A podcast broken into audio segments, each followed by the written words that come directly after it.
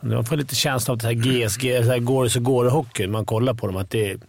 Ja, går det så går det. Man, bara kör, man förlitar sig så mycket på truppen att man kanske har lämnat själva systemet åt eller hur vi ska spela. Det har inte varit lika viktigt som att man vill ha en bra trupp på pappret. Det, här, det kommer lösa sig. Nu, nu har de säkert inte gjort så, men den känslan får jag när jag ser dem spela. Är det ett vedertaget uttryck? GSG? Uh -huh. Det är som, det är som Kiss, Kiss Hockey. Keep it smart simple. Lite har man lärt sig. Nej, men någon, eh, snart är eh, råttet mogat alltså. Persson! Lägger på blå för loppen, kommer skjuta, fintar skott, spelar pucken höger istället, Davidsson skjuter, man lever över returen! Skottläge kommer där! Kan jag få låna micken? I mål! Hur skjuter karln? Hur skjuter han? Jag kan bara säga att det där är inget skott faktiskt, Lasse. Det där är någonting annat. Det där är liksom, han skickar på den där pucken så jag nästan tycker synd om pucken. En grina när han drar till den. Utan Fröbo var målvakt! Kan jag få låna micken? Kolla! Poff! En allvarligt talat Leif Boork håller på med hockey i 600 år! Kan jag få låna micken? SHL-podden, Betssons podcast om den svenska hockeyligan, är här igen. Det är avsnitt nummer 64. Jag heter Mårten Bergman och Fimpen is back. Yep. En back-to-back ju. Back-to-back, ja. home and home. Är det första gången det är en, två raka? Nej, andra Jag gången. vet inte, kolla tittarsiffrorna, lyssnarsiffrorna så ser du. ja, du menar de, de som är i botten, är, är de två i botten i rad så är det inte omöjligt att jag har det. Nej, okay. Stadigt nerför. Ja, bara, stupet, som vi också kallar dig när du inte är med. Men vi, det är inte bara jag och Fimpen eller jag och Arla som är här, utan vi har en gäst som vanligt och vi är väldigt glada att välkomna Hockeysverige.ses Uffe Bodin till SHL-podden. Tack ska du ha. Är det liksom ja, det bästa slutspelsskägg vi kommer ha här, tror du Fimpen? Ja, nu, kolla på mig. Det här är, det här är tre månader som jag har nu. Men du kör slutspelsskägg eh, grundserien också? Liksom. ja, bara... jag har väl kommit till den punkten nu att det är lika bra, för jag vill inte veta vad som finns där under efter de här åren. Så det är lika bra att hålla det tätt och jämnt. Du gästar ju eh, poddar lite då och då, har ju NHL-timmen själv också. Ja, exakt, precis. Mm. Så ja, ute på lite turné kan man säga. Ja, exakt. Eh, och man gillar ju när du gästar um, engelskspråkiga poddar, för då är det Ufi Bodin, eller hur? Ja, det, det, är kul det där med, med mitt namn och engelska. Det dyker upp i många olika varianter. Det, det, är som när man är i USA eller Kanada och går på Starbucks och så ska man försöka säga sitt namn och så ska de skriva namnet på, på ens kopp. Och det, det är ju lika många varianter där som det är liksom när man ställer upp i, i radiointervjuer. Så det, det är fascinerande. Det är också att jag tänker att de har det som affärsidé att skriva namn Absolut. som de ändå vet fel. Men ditt vet de nog bara inte. Nej, precis. Och, nej, men det är klart att det, det är förutbestämt så att man ska lägga ut det på sociala medier, vilket jag alltid gör också. Så att jag är, faller offer för det där rakt upp och ner. Men nej, men precis. Jag, jag tror inte det spelar någon roll. Sist när jag, jag kommer från Edmonton här för en vecka sedan och då, då fick jag nog den bästa hittills. Det var, jag sa Uffe och de skrev Wilfred på muggen. Liksom. Så att, ah, uppgivet. Men det är ju eh, ett fint namn. Wilfred. Du kanske skulle lägga ja, till det. Precis, ja det är inte så dumt. En framtida son kanske får heta det, vem vet. Ja. En annan som har problem med eh, sitt namn när han är engelskspråkiga länder är eh, vår gode vän Stats-Jocke. Stats. Jajamän. Joakim. Joakim. Det blir alltid stök när man ska försöka sig på den. Men du har ju löst det på ett fint sätt.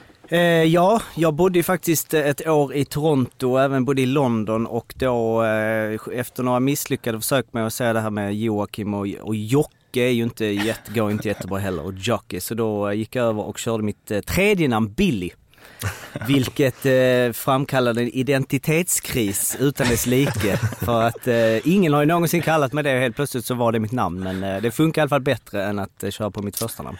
Vad har eh, Statsbilly att komma med idag då? Eh, idag har jag kört lite eh, powerplay.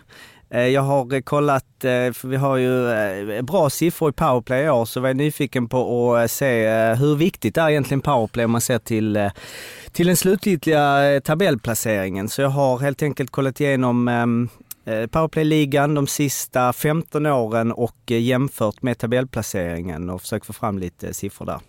Intressant eftersom eh, Arla, eh, Per Ahlbrandt, vår gode vän, eh, har ju också skrivit ett blogginlägg på solbloggen.se om hur eh, oerhört viktigt powerplay är. Men Mm. det var ju liksom ord från en powerplay-specialist som först, förstås ville framhäva det. Ni glömmer gärna oss grinders som tog alltså, skott i ansiktet för boxplay. Det, det borde vara ungefär lika viktigt. Det kommer också komma en uh, statistikgenomgång. Idag kör vi eh, mer, eh, det är egentligen ja, dåligt eftersom du, du börjar bygg, brukar bygga så Mårten att det är så här powerplay när Arle är här och nu är det boxplay grinding. Så vi borde egentligen göra det här när Arle är här, men nu blev det så här. Eh, Nu blev det så här. Vi eh, återkommer till det helt Ja. enkelt. Men nu är det dags för det vi eh, alltid kör med gästen, nämligen faktarutan. Fuck. Fuck. Fuck. Ruta. Fullständigt namn? Ulf Anders Fredrik Bodin. Wilfred. Wilfred. ja, precis. Ålder? 38. Var är hemma för dig? Eh, det är nog mellan Ludvika och Smedjebacken i Dalarna där jag är uppvuxen. Det räknar jag for, fortfarande som hem trots att jag inte bott där egentligen på närmare 20 år. Har du liksom pojkrummet kvar? Jajamän. Är det så? Ja, fast tyvärr inte Mats Sundin-affischerna. De har de plockat ner av någon anledning. Det var bara Mats Sundin som prydde dina väggar eller? Um, det var, fram till jag var typ 12-13 så var det uh, Guns N' Roses. Eh, och sen blev det hockeyspelare efter det. Mm. Vilka var det mer som fanns förutom Sudden? Eh, ja, men jag hade någon ganska stark Toronto-period där, så jag hade nog Mikael Renberg vid något tillfälle. Jag hade nog Doug Gilmore och Wendell Clark, lite sådana gamla klassiska lirare. Och Hockeybildsalbum också. Ja, men det är också kul för att de ligger ju i någon låda där någonstans och samlar damm. Så jag, jag, jag har en ganska stor samling som, som man, ja men när man var typ så här 13-14, jag kommer ihåg, samlade även SHL-bilder. Så jag har så här, jag hittade en massa roliga bilder på Leif Bork och Petter Rönnqvist och såna här. Jag har säkert något på Fimpen någonstans också. Ja, det är med hår. Det, det är sånt som, eh, som nu hade varit så lätt att få signerat, tänker jag. Eller hur? Men också, man vet inte hur man ska ta sig an den riktigt. Nej, eller hur? Men eh, vad hette det där eh, bäcket? Becket fanns det, ja. det är en Ja. tidskrift där de eh, Hur mycket de var värda. Ja, precis. Vad, vad skulle du uppskatta din hockeybildssamling till för värde? Åh, gud, vet, idag vet jag inte. Det känns som, eh, det känns som antagligen ganska överreklamerad. Alltså vad den än har i värde så är det ju ingen som betalar det Nej, för precis, den. Det är det exakt. som är problemet. Marknadsvärdet är noll. Ja, speciellt i Sverige tror jag. Det, där kan jag inte tänka. Det är väl möjligtvis om man tar med grejerna till Kanada kanske en annan. Det kanske Leif Bork till och med är värdefull. Ehm, har du någon tatuering? Ja. Vadå? Ehm, när jag var sådär 20-årsåldern så tatuerade jag in eh, en, eh, en liten symbol från ett skivomslag med Pearl Jam Var sitter den? på vänster axel. Känns det bra? Ah, Så här med facit i hand kanske jag hade gjort något roligare men eh, när man är 20 år så tänker man inte så långt och det är väl liksom en del av ungdomens naiva ådra så att jag lever med det. Och eh, det, är där, det är ju en stor anledning till att vi har med Fimpen, att man kan liksom finna tröst i att han har ett porträtt av Niklas Falk på torson. Ja men det tycker jag är respekt ändå. Men då var jag inte, då var jag inte 20 när jag gjorde den tyvärr. Då hade jag varit mycket större då. en person utanför eh, ishockeyn som du eh, ser upp till? En person utanför ishockeyn som jag ser upp till? Oj, det är många det. Um, gud, den frågan var jag inte alls beredd på känner jag. Men jag säger Henry Rollins. För att?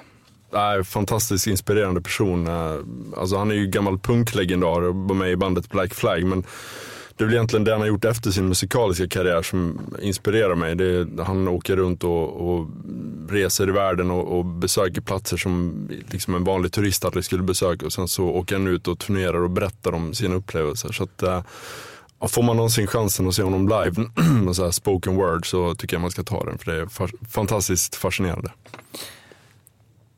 Vilket eller vilka lag klappar ditt hjärta lite extra för? Smedjebacken HC i division 2. Går tyvärr inte så bra, de har inte vunnit en enda match den här säsongen. Är det det enda i alla sporter liksom? Som... Ja, alltså jag har väl haft genom åren några perioder, när jag följde engelsk fotboll äh, typ på 90-talet och början av 00-talet så var det mycket Newcastle när Alan Shearer spelade där. Sen så i takt med att jag jobbar med hockey så har jag väl inte riktigt haft eh, tid och inspiration att följa upp fotbollen. Men äh, IK Brage är ett annat lag som, som jag försöker följa när jag kan. Men i hockeyn har jag försökt liksom stänga av alla känslor för att jag tycker att det, det kan komma i vägen för den journalistiska gärningen om man säger så. Du tycker det ändå? Alltså? Ja, men det tycker jag. Jag tycker det, det är väl mer spelare jag följer. Det finns väl spelare som jag tycker är roliga att titta på och därför hyser respekt för. Sen finns det spelare som är bra människor som man, som man hyser respekt av, av den anledningen. Fimpen till exempel, när han spelar. Men har du, har du, är det något av de här, du säger att du liksom stängt av känslorna Mm. för lagen för att kunna, är det något lag du fått kämpa lite extra för att stänga av känslorna för? Nej, det, vet- alltså det, Toronto var det mycket när jag var yngre, men det tycker jag inte haft några problem med nu. Och det, alltså NHL är ju ändå så pass, egentligen, även om det är det jag jobbar mest med, så är det ändå så avlägset. Så jag tycker inte att jag har några problem med det. Finns det mm, något eller några lag som du verkligen inte gillar? Um, det var en bra fråga. Alltså, när jag spelade själv för länge, länge sedan så det är ju aldrig kul att spela i Dalarna och åka och möta Leksand eller Mora.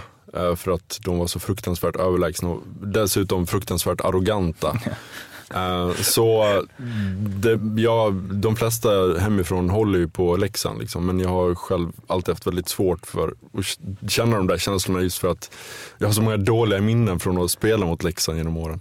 Alltså det känns som det går i, eh, jag menar så här, det har man hört från flera juniorspelare, dels kring Leksand, liksom, Mm. om man inte spelat där själv, men också kring andra lag. Att typ, men spelare som är fostrade i Värmland och inte spelat i Färjestads Ja. ungdomslag har svårt för Färjestad Ja, jag kan verkligen förstå det.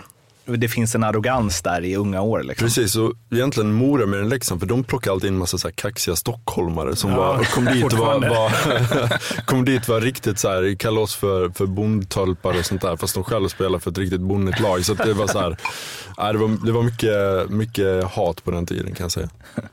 Har du någon eh, favoritspelare all time? Ja, jag får nästan säga Mats Sundin i så fall. Um, han kom ju till Toronto där när jag liksom just hade börjat få min, min passion för det laget och sen så var han ju en fantastisk spelare att följa. Um, jag tycker att han gick i bräschen lite för när Sverige fick uh, sin nya storhetstid inom hockeyn om man säger så. Alltså där i början på 90-talet när hockeyn egentligen tog fart igen om man säger så. Um, så jag rankar honom väldigt högt. Finns det någon spelare som du, eh, alltså om, eh, som du kan identifiera dig själv med att så här, ifall jag hade blivit hockeyproffs så hade jag, jag hade spelat ungefär sådär. Christian Fimpen Eklund. Ja, fan vad härligt. Nej, jag var verkligen, jag var en grinder, det var jag. Okej, det var Ja, så. ja. Var du eh, rightare eller leftare? Nej, jag var leftare Ja, tyvärr. Jag tänkte eftersom sudden. liksom. Ja, nej, tyvärr. Eh, men det där kan man ju lära, har vi inte gått igenom det? Att man kan bara lära sig att spela Ja. åt andra hållet. Man kan, ju- vi vet att Mackan Nilssons, uh, Mackan och Patriks farsa, de, de, han fick, de fick bara right-klubbor i, när de var små. Ah. Även fast de höll fel så... Ni hade, ni hade ju Josef Medien med här Ja. jag hörde något rykte om att hans grabb kunde skjuta åt bollhållet. Någon av hans grabbar. Eller, ja, det var någon som pratade om det i alla fall vid något Ja. sammanhang. Okej, eh, det, för det måste ju vara en... Fast det, det förutsätter att man har rakt blad. Om man ska använda det ute på... Jag hörde också Paul Correa back in the days när han var som bäst. Så han experimenterar mycket i det där. Han ska tydligen ha varit riktigt grym på båda, båda sidorna så att säga. Så ja, det, kan, det finns nog några i de historierna som har faktiskt lyckats klara av det där. Kunskapslucka här, men alltså de andra Korea, är det hans brorsor? Ehm, Steve och Martin, ja. Ja. ja, kanske. För att en av dem är ju rightare i alla fall. Det kan nog stämma. Steve är ju det. Så kanske det var, ja. Kanske är i, i generna då. ja. Finns det någon spelare som du eh, inte, aldrig riktigt fattat tycke för? Eh, någon spelare jag aldrig fattat tycke för, ja det finns nog en hel del. Eller som du inte gillar? Som jag inte gillar nu, idag. Jag är, svårt, Eh, Överhuvudtaget liksom. Jag är lite svårt för Tom Wilson i Washington Capitals. eh, på grund av liksom, ja, det här med att åka och tackla folk i huvudet 2018 känns väldigt stenåldersmässigt. Så han har lite svårt att få någon respekt för. Är det någon som du har haft eh, en klurig relation med, liksom journalist, eh, idrottsman? Ja, alltså det finns väl de som har varit sura på mig. Målvakter har ju, har ju haft en del Känns som vi är på väg mot norren. Ja. ja, han har inte, Ro- Robin Lehner har varit lite så här fram och tillbaka. Så jag lärde känna honom i ganska ung ålder. Men han, och det kanske man förstår nu när man hörde hans historia. Att han har inte haft det så lätt Mm. och det är kanske därför han har reagerat som han har gjort ibland. Eh, men vi har väl tassled ibland liksom så här, Mm. fram och tillbaks. Men eh, annars tycker jag jag klarar mig väldigt lindrigt undan. Hur ser din eh, egen hockeykarriär ut? Eller såg ut? Ja, den såg inte ut alls. Jag spelade, var en dålig division 3-spelare. Så det var, min eh, främsta merit var nog att jag la av.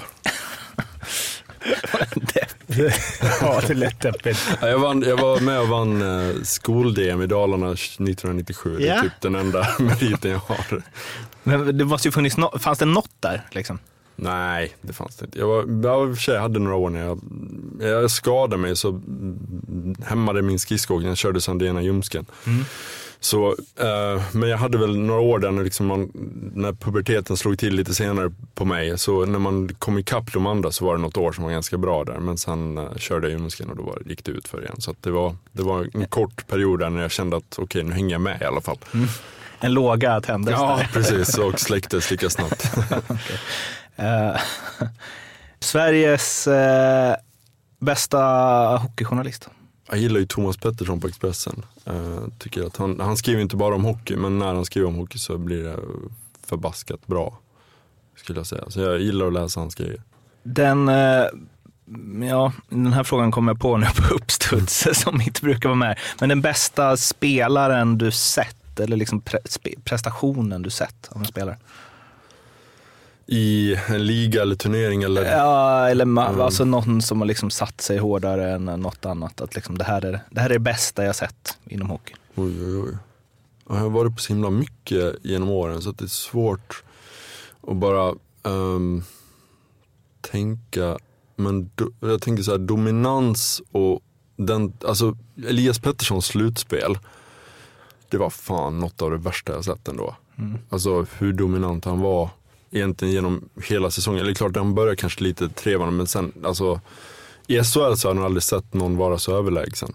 eh, Som han var i fjol. Så det är väl faktiskt någonting jag tar med mig. Och nu ser man ju NHL att han är en ganska speciell spelare ändå. Liksom, eller så här, varje match så, så sitter man bara och gapar. Vad, liksom, vad fan, det här är, nej, men det, är, det är kul att liksom få leva i den här tiden när man får se sådana här killar göra sådana grejer. Framförallt svenska killar givetvis. Och lite emot sig det här. Liten, tanig, Ja, sent på året. precis. Allting är dåligt. Från en liten ort. Liksom allt är... Ja men för det känns hela tiden som man har letat efter, jag ska faktiskt en krönika om det nu i helgen, att man har, man har på något vis letat efter anledningar till att han ska misslyckas. Ja. Men han lyckas alltid överträffa hypen på något sätt. Och det, det är så sjukt imponerande. För jag kommer ihåg när eh, eh, Magnus Nyström skrev om eh, om att han var bättre än Foppa och så vidare, vilket ju statistiskt liksom att han var under Mm. slutspelet. Och jag var ju lite för liten för att komma ihåg Foppas eh, slutspel med Modo mot Malmö där han var. Mm. Liksom, det det heter i historien är ju att han bar Modo själv. Mm. Liksom. Ehm, men ja, ni som kommer ihåg det, eller? Va, alltså Ja. om man jämför dem i den åldern. Liksom. Alltså det är svårt, Foppa var ju en sån komplett spelare redan då. Ehm, jag skulle vilja säga att Elias offensiva touch kanske faktiskt ligger på en nivå högre än vad Foppas var då.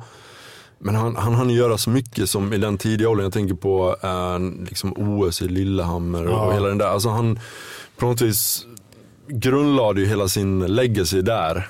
Och det är, det är så svårt att, att jämföra just därför. För att ja, han skrev in, eller liksom spelade in sig i hjärtan hos hela svenska folket. Jag Det tror var det är svårt. lättare att dominera på ett sånt sätt på den tiden också. Man höll i pucken mycket längre.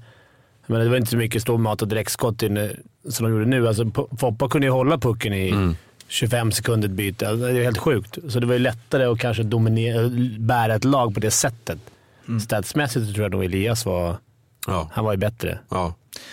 Men så här, det här är ju, det känns nästan lite, för du, som du säger, man letar hela tiden grejer för att så här, jag vet inte, hålla nere Elias Ja. liksom, kapacitet. Men kan, alltså, kan han bli världens bästa spelare? Oh, så länge Conor McDavid spelar så tror jag ingen kommer att vara i närheten av honom. eh, tyvärr, om man, om man, ur ett svenskt perspektiv. Men jag tror att definitivt han kan, han kan bli en av toppspelarna i världen i det skiktet under Conor McDavid. För att det har varit lite snack om det nu, liksom, att han kanske närmar sig ja, men, tänk den här andra vågen av unga spelare under McDavid. Jag tänker på Patrik Line, Austin Matthews, Jack Eichel. Hela det skiktet av spelare. Det kanske, han kanske hör hemma där faktiskt. Nu har det gått nio matcher på hans NHL-karriär så man ska inte vara för drastisk men eh, det finns väl eh, ganska mycket som pekar på att han hör hemma i, väldigt högt upp i NHLs hierarki i alla fall. Det är ändå sjukt att man liksom så här, ja, efter, under Conor McDavid, där börjar vi snacka. Det är liksom inte ens, det är inte ens någon Nej. som är i närheten man snackar. Eh, Men vi får hoppas att, han inte, att det inte är en um, Uffe Bodin-ljumske då. Som ligger Han har säkert bättre läkarteam bakom sig Ja, också. det också. eh, SHLs bästa spelare idag.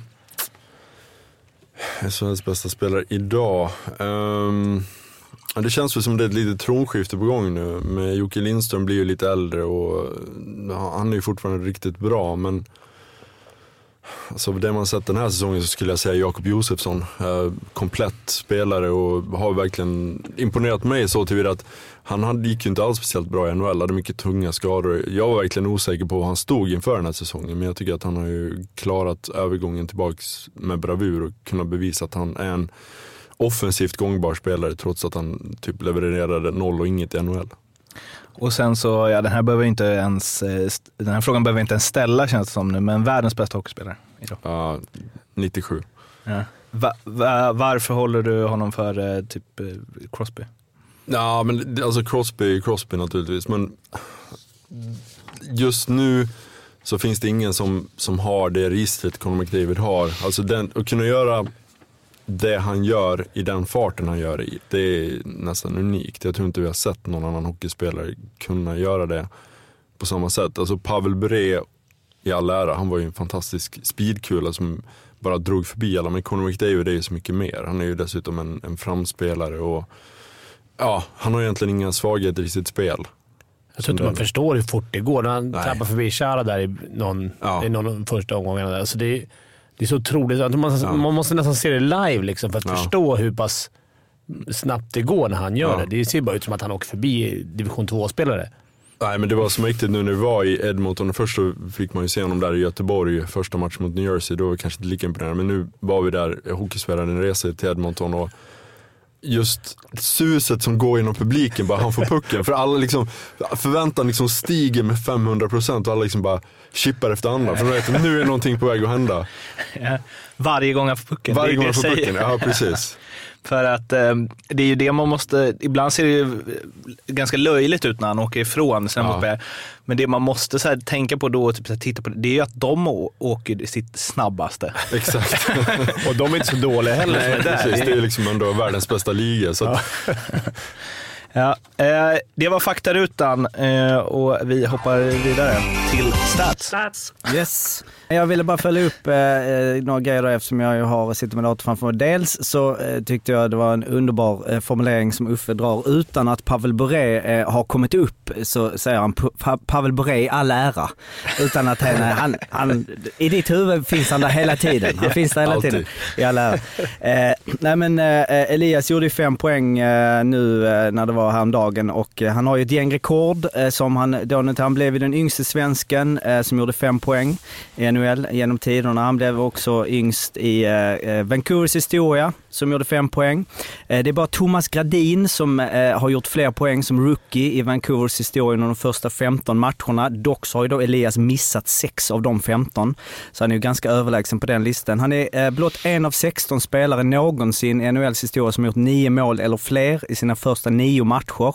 Och han är också den yngsta någonsin i Canucks historia att göra fem poäng i en NHL-match. Hade du något mer? Eh, nej, inte mer än att... Eh, Va- Har du Elite Prospect uh, Uffe Bodin? eller? Jajamän, det var det jag skulle komma in på. Uh, Uffe Bodin, uh, född 1980 där, uh, 80, 1,85. Jag t- Det känns som du är längre. Det känns som du är en 1,90 plus. ja, nej tyvärr. Han skriver ner sig, en av de få som skriver ner längden på Elite. Prospect. Det är för övrigt den uh, klart snyggaste bilden på Elite Prospect. Det kanske uh, inte är så konstigt. Uh, men uh, det blev ju totalt uh, 7 plus 11 på 37 matcher för Smedjebacken i division 3. 74 utvisningsminuter. Plus minus noll. Även, men de Jag tror inte man- siffrorna- jag tror inte man Nej. räknar plus Nej, minus på där den är tiden, inga siffror. Det är, Det hade ju inte varit så smickrande. nej. Ja, det låter ju okej ändå. Eller? Ah, jag vet inte. Men ja, alltså för det jag utgår från nu är att det bästa som du gjorde i din karriär var att sluta. Ja. Det känns liksom, ja, allt, det kan ju bara gå upp för från det uttalandet. Men det finns ingen text. Eh, Den hade man ju velat säga, en, en, en lång, Längsta fin. Scouttext. Ja. Har du inte varit sugen på att in och skriva den? Nej, jag tror lika bra att låta världen und, und, undvika det faktiskt. Eh, Eh, vi brukar köra ett eh, svep eh, med aktuella händelser i, som har hänt sen det senaste programmet. Dels eftersom vi ska prata om massa aktuella grejer nu så skippar vi det svepet. Och istället ska jag ta med min tröja. Och det mest aktuella av allt just nu är ju att eh, Ola Lundberg som är eh, eh Hockeyförbundets eh, utredare kring hur svensk hockey ska eh, eh, formeras framöver, hur det ska gå eh, att, eh, hur det ska funka att åka ur och gå upp i SHL och så vidare. Han meddelar att det är många klubbar som kan tänka sig att ja, men det här med direktnedflyttning och uppflyttning till SHL kanske inte är en så dålig idé ändå.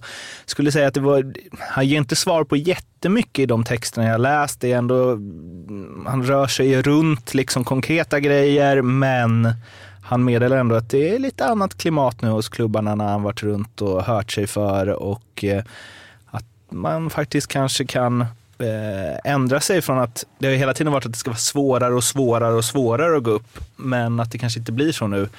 Eh, för vad är din känsla kring det här? Ah, just vagheten i den säger jag väl att jag inte ger jättemycket för det. Jag tror inte att, i slutändan tror jag inte att det kommer bli jättestor skillnad från det vi har nu om jag ska vara helt ärlig. Va, vad är det som, alltså, är det så här, ge lite bra feeling, hopp till alla efter att det har Ja. varit så stormigt? Eller jag vad- skulle gissa jag att de skulle också- behöver liksom, Okej. Andrummet. precis. Vad, vad tyck, om det nu ligger någonting i det här, vad tycker ni om det? Jag tycker inte det ska vara att Nej. direkt. Nej. Det är, kolla fotbollen, då kommer du upp ett år, åker ner, så trillar du ner tre serier. Du bränner allt krut där uppe. Så det, det tror jag bara är... Ja, jag, jag känner personligen att mycket av skärmen med svensk hockey är att det finns ett kval. Om det är sen en kvalserie eller om det är den nuvarande kvalmodellen, det tycker jag inte spelar så stor roll. Men vi, vi, det är ju samma sak varje vår. att det, blir, det byggs ju upp någonting otroligt stort kring det här. Som faktiskt oftast är större än SM-slutspelet. Mer intressant att följa. Och det vore ju, jag tycker det vore idiotiskt att ta bort den, den grejen. Sen är det klart att vi vill ju kanske ha inte ha lika stort glapp mellan SHL och Hockeyallsvenskan ekonomiskt sett. Eh, Men jag, skulle inte vilja ta bort en kvalmodell där det ändå blir den här eh, spänningen som vi upplever varje vår. Hur ser man ur eh, att riskera grejer när man satsar och så vidare, som du sa nu Fimpen, att om man åker ut så kan raset gå fort sen. Kontra det också hur mycket det är värt att satsa för hockeyallsvenska klubbar om de vet att de skulle gå upp om de kommer rätta till Men var, det inga, alltså var det inga speciella arenakrav och sånt så tycker jag då inte riktigt charmigt om de kan komma upp Tingsryd och åka och spela i en lada. Det är absolut inte jättekul för tv att kolla sånt där i Nelson Arena. Fast det vill man ju verkligen ha. Man vill ju 100% ha det. Ja, men jag tänker det, ge det istället. Dra ner lite på kraven, att, att det kommer upp nya lag. Och så hoppas vi att panten går upp så att de spelar i Rosengårds ishall. För det var en upplevelse alltså, att se på tv. Måste jag säga. Men, men, ehm, eh, men om man ser det, alltså om jag ska föra, som Leksandssupporter, föra hockey, allsvenska, eh, topplagens talan i det här då, tror jag. Men för det finns ju någonting i typ Karlskrona första året de var uppe. Då var, vann de fem matcher eller något eh, under hela säsongen. Dyngsist, spetsade lite inför kvalet och lyckades hålla sig kvar. Sen så visst, så här, då var de väl bättre än AIK. Men det är mer det, man kan vara liksom superdålig en hel säsong och ändå vara kvar nästa säsong. Vilket, så är ju inte fallet i fotbollen till exempel. Är du sämst så straffas du för det. Liksom. Mm. Ja, visserligen. Men det är inte jätteofta det är sådana slag på sig i SHL ändå. Du, det är väl det exemplet du tar upp där egentligen. Det, det har skett, det Timrå, var det det året de åkte ur var de ju också jättesist. Så här. Men ofta så är det, finns det ju lite nerv i alla fall i år. även om Timrå och Mora ser ut att vara två lag som kanske får svårt att undvika de där två sista platserna så har ju de visat att de kan vara med och liksom, en bra kväll kan ju de slå vilket annat lag som helst i ligan. Så att just i år så, så tror jag inte att det kommer att vara samma slagpåsar som det har varit tidigare. Så jag tycker det är mer regel än undantag. Vad känner du kring arenakraven och så som har diskuterats? Då? Det, det känns som det har gått för långt. Uh, skulle jag säga. Liksom, för att ta Karlskrona som ett exempel. Liksom, då, laget inte att de har pytsat in alla de här pengarna och liksom, kört järnet för att få en arena som, som liksom tillgodoser SHLs krav, då åker ju de ur. Så att, ja, nu sitter de där i Hockeyallsvenskan med, ja, med sina lyxloger och allt vad det är. Liksom. Ja, och det, ja. Vad är de rädda för egentligen? Alltså ligan, att det skulle finnas lite halvskabbiga arenor? Ja. Nej, men alltså, bara det finns korv och folköl på, på arenan så känns det som att det borde, man fin, borde det finnas borde vara okej okay att spela. Ja. Här vill man ju ha någon som kan ja. svara på det. Nu håller vi dig till svars. Nu får du stå ja. Uh, ja, men vad, hur, hur vill du ha det då, om du, får, om du är allsmäktig här, hur ska det funka upp och ner till SHL? Nej men alltså någon slags kvalform. Eh, jag, jag har ju tyckt att det varit charmigt med det här vi har nu. Det är många som gnäller på det och visst det finns väl svagheter där. Eh, tufft för de allsvenska lagen, det är lite för långa uppehåll mellan vissa liksom, serier och sådär. Så det är, inte, det är inte perfekt just nu. Men jag tycker att det vi har upplevt de senaste åren med de här långa utdragna serierna när Leksand slog ut Modo, även i fjol när den här dramatiken kring eh, Timrås, när de vänder 1-3 till 4-3 mot, mot Karlskrona. Så det är ju så här, det är sånt som går det är ju historiska händelser som man kommer att minnas typ resten av livet. Alltså som verkligen etsar sig fast i hockeyhistorien. Det, det vill man ju ha kvar på ett eller annat sätt. Mm. Men inte så en, en upp, en ur och sen så kvalar mm. näst sist mot näst? Jag, jag ser nog helst uh, något liknande systemet vi har nu faktiskt. Mm. Exakt som det är nu? Ja, det, det går så, jag har inte tänkt på det här i, i, liksom i detaljnivå, men det, det, finns säkert, man kan tweaka till det lite så att det blir ännu bättre. Eh, fler finaler på vägen. Exakt, det är precis det vi behöver. Mid-season final vid jul. Vi, vi kör lite så här eh, bronsmatch i Hockeyallsvenskan också, grejer. ja. som de gör i Finland tror jag. Ja, det är inte roligt. Gör de det? Jag tror det. Ja. Jag vet inte om de tar bort det nu, men under många år vet jag att de har haft så här bronsmatch i alla fall. Det har inte varit de mest, eh, mest peppade alltså, matchen. Man vet liksom inte vilka som har spelat bronsmatch i fotbolls-VM. Då känns det inte som att man har så Nej, bra koll på alla bronsmatcherna. I... vidriga bronsmatcher man har sett på JVM och VM genom åren, alltså det finns ju inget tröttare. Så bakfulla spelare som är totalt ointresserade. Det är få som har sina brons i prisskåpet så bara. Nej. Ja, radat. Det är möjligtvis TV-pucken jag tycker att det finns någon charm med. För att där, liksom, det, där är ändå liksom, de är så unga så att det betyder någonting. Men i övrigt så tycker jag att alla bronsmatcher kan typ skrotas vad sa du? Mid-season final vid jul? Ja. ja. det är lite som, som var... inte betyder någonting. Det är bara att se vilka som är bäst. ja. Ingen det, och mitt i vinterledigheter också. Men precis i julledigheten. Men det måste gälla lite... Alltså jag tänker att det är som så här, vad heter det, spurtpriserna i ja. Vasaloppet. Ja, eh, vi får se var eh, SHL eh, landar i så småningom. Ola Lundberg kämpar på. Vi eh, hejar på här från SHL-podden. En hastig ändring i körschemat skedde ju i morse när Brynäs meddelar att eh, tränarna Tommy Sjödin och Janne Larsson får gå, ersätts av assisterande tränaren Eh, Magnus Sundqvist och J18-tränaren Mikael Holmqvist, eh, Andreas Dackell, sportchefen, sa att vi känner att vi inte har presterat tillräckligt bra i spelet ute på isen, vilket ju man ändå får säga är en ganska bra motivering till att inte ha kvar sina tränare. Men det kändes som, eh, Bengt Sen fick ju gå först eh, och han uttryckte ju hela tiden sitt stöd för eh, Tommy Sjödin mm, och Janne Larsson, men det kändes som att eh, ja, men det, det har ju varit ganska mycket snack om så här hur Brynäs ska spela och det, ja, min känsla var att de satt ganska tryggt ändå. Ja men det kändes ju redan som på försäsongen när den här diskussionen kom upp. Liksom, de torskade massa matcher och det var snack om att de skulle gå tillbaka till något så här stenåldersspel för att liksom, försöka försvara sig och så. Redan där och då så kände jag någonstans att aj då, det här kommer aldrig att hålla för Tommy Sjödin heller. Och jag tror i och med att Bengtzén försvann, nu visserligen Dakell, han har väl spelat med de här Ja, killarna. Liksom. Så det är typ sina polare han sparkar. det är ändå ganska uppseendeväckande på sitt sätt. Men eh, någonstans så, så kände man väl att eh, Tommy Sjödins gick på en ganska slak lina där. Eh, och det har ju inte fungerat speciellt bra.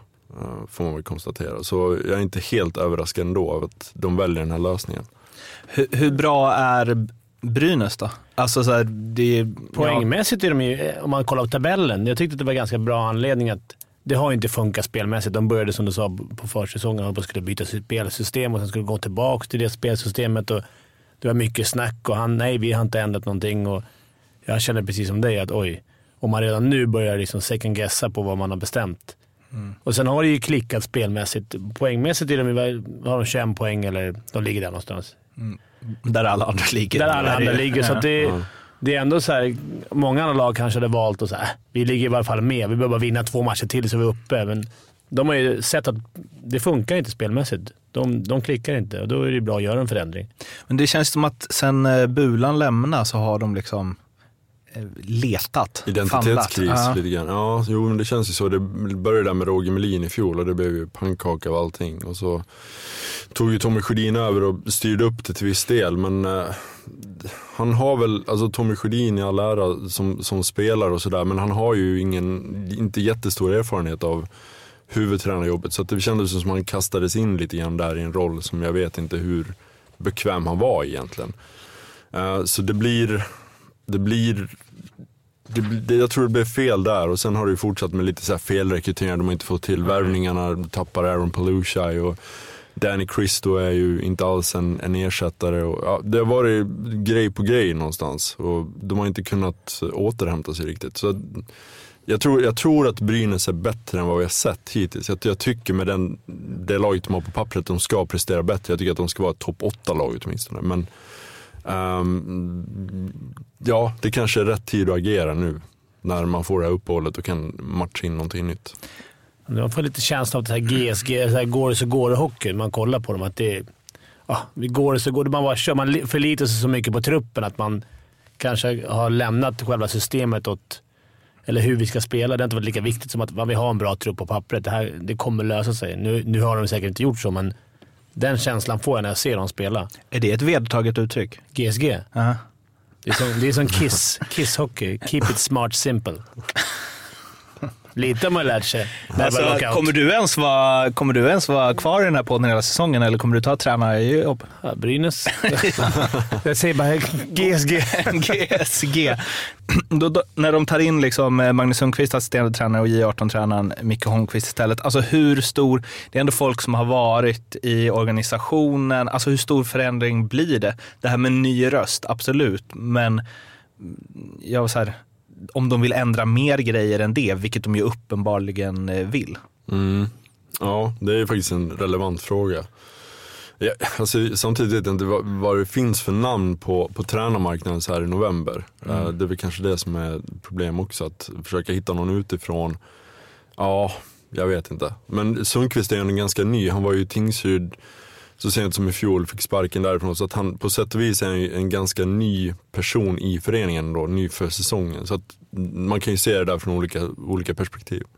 Det är konstigt. Jag tycker alltid det är konstigt när eh, assisterande tränaren stannar kvar. För man har ju förmodligen varit två om det, eller tre, eller fyra. Att man är en grupp som jobbar fram förhoppningsvis. Eh, och då, det är ju samma tänk som stannar. Men det är nog som du säger, det är inte så mycket tränare på marknaden kanske just nu och man vill få göra en förändring nu och inte vänta. Tjomme satt inte, Tjomme satt och snackade om att han var sugen på att ta tränarjobb helt plötsligt. Han var väldigt så här. Och sen en vecka senare Ja, så eller lagom avstånd till Stockholm. och så.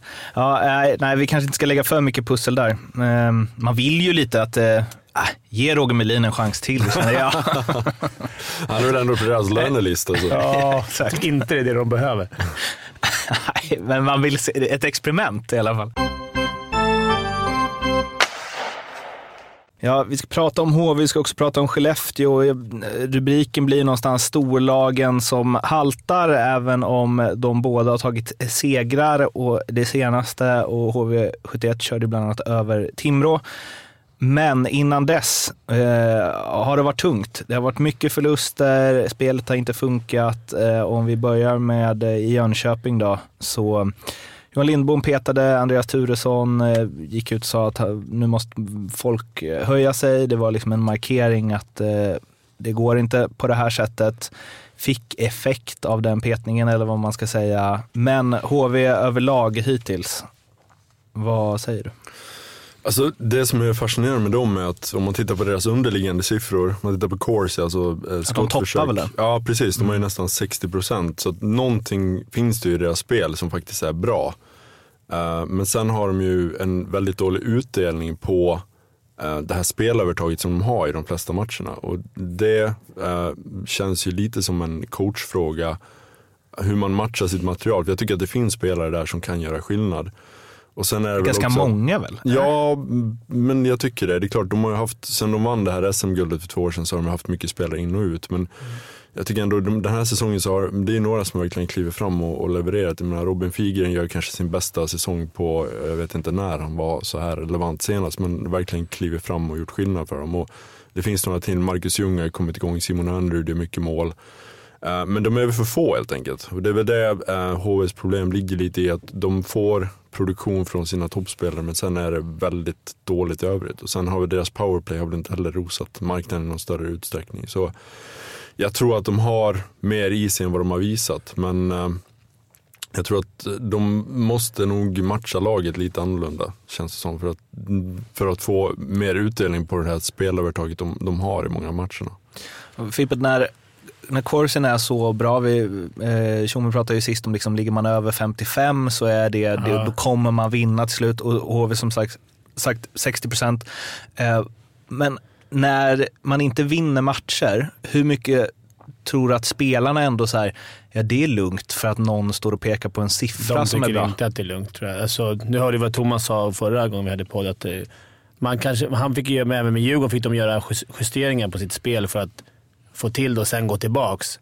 För det finns ju ändå en mental spelare här. Det känns ju att man, nu var det viktig vinst senast, men när man ligger där nere så, även fast det bara är omgång 15, så börjar man tänka några steg framåt. Var, liksom någonting måste börja flyga snart, annars kommer vi vara här nere. Vi, ska vara, vi förväntas vara där uppe och vi är här nere. Så att, eh, jag tror man måste göra, speciellt det här med lite coaching, att man kanske går lite mer åt nordamerikanska hållet. Man, är det teckning i anfallszon hela tiden, in med först, de producerande linjerna. Och slösa inte deras kraft i egen zon. Och när man har så få som producerar så måste man kanske använda det mer. Men det finns ju en eh, väldigt intressant grej där tycker jag, när vi, och nu är, tar vi ju det greppet här att så här, det är lite minikris i HV, bland annat. Eh, Dels så är det ju liksom bara några få poäng. Det är någon mm, vinst hit eller dit, så kan man hoppa massa placeringar. Jo, precis, det känns Men... som det är ett nytt lag varje vecka. För några veckor sedan var det Färjestad, det var ja. jättekris och helt plötsligt så har de vunnit och ligger, ja Luleå var ju jättekris i början. Nu ja. toppar de liksom tabellen. Så det säger ganska mycket om hur tätt det är. Och det är väl det som blir någonstans att man måste se, eh, som i Brynäs fall till exempel, de ser väl något större som inte funkar. Men frågan är om man ser det i HV eftersom siffrorna är så här bra. För att det är ju största klyschan av alla, men så här, små marginaler. Alltså Emil Berglund hade ju två lägen när det stod 0-0 mot Timrå, där han ska göra mål. Och det är så här, sätter han dem, mm. så, alltså, ja, det... och darren börjar och liksom, okej, okay, en torsk till. Då kan det ju helt plötsligt bli så det spelar ingen roll att de har 60, Nej. då kan ju Johan Lindboms jobb vara ja. hotat efter ja, en sån alltså, torsk. Liksom. Det är ju det alltså. som är charmen någonstans med hockeyn också, att studsar, tur är ju i allra högsta grad en faktor mm. i hockey. Uh, studsar det fel, studsar det rätt. Liksom, det kan få sån, liksom, sån otrolig effekt. Mm. Och det glömmer man ju ofta bort i det här. Och speciellt en sån här jämn tabell också. Att ibland gör vi lite för mycket av läget som det är. Att sätta en eh, förväntad eh, stjärna som Turesson på eh, läktaren. Tänder det en grupp spelare? Det kan ju vara om man har en bekväm grupp som kanske många som har spelat länge i ligan som är... Det kan vi, jag har varit med det flera gånger man, man har satt upp folk på läktaren som är, som är tydligt andra, första fem material. Bara för att visa att ingen sitter säkert och liksom får någon form av förändring. Mm. Han är nog tillbaka nu igen i spel efter. Mm. efter men det, det... Vem är den eh, bästa spelaren som har blivit satt på läktaren som du spelar med? Linkan. Är det så? Han är... Av eh, Jag tror det var Wikegård. Fick en match på läktaren på, hemma på Hovet. Jag kommer inte ihåg vilken match det var. Men Hur gick det i matchen? jag vet inte, det var ett powerplay och lite sämre. men eh, jag kommer ihåg att man reagerade då. Så här, Va? Kan han till och med åka på läktaren? Liksom, och då, Men det där kan ju, det kan ju slå åt andra hållet också. Du kan ju tappa en grupp på det sättet. Ja. Alltså att det blir, liksom går för hårt åt och på något vis att du tappar spelarnas förtroende. Så att det är ju det är inte, det är inte bara liksom det, är inte säkert att det är en positiv effekt heller. ja, det kan ju vara, osäkerheten också i gruppen. Att, Ja. Vad är det här? Nu skjuter han från höften. Och, Ja. Jag tror inte att liksom, man fick tillbaka Bremberg direkt efter. Det här var ett bra läge kanske att göra med Turesson. Det kom ett uppehåll. Eh, de får träna ihop sig igen, det är lång tid. Ja. Men det var, väl, var det Nils Andersson innan den matchen? Han var väl eh, petad tror jag, tidigare i veckan. Ja, det kanske det var. inte, så att det, nu har jag ju kört två matcher på rad. Eh, Men ja, det blir intressant att se om han varje match petas en. Eh, det är en ny grej att så här, stjärn, topp top sex forwards, den som är sämst av dem varje match får sitta nästa. Skellefteå då, som är ett annat, eh, de hade ju sex raka torsk här eh, innan de till slut tog en seger.